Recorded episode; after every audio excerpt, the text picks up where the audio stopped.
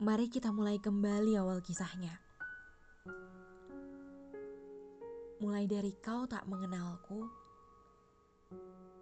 tidak tahu namaku, tidak tahu seperti apa sikapku, dan bagaimana aku menjalani hari-hariku. Dari hari pertama perjumpaan, apabila dihitung, Mungkin sekitar belasan tahun sudah berlalu. Yang masih sama ketika aku mengingat tentangmu.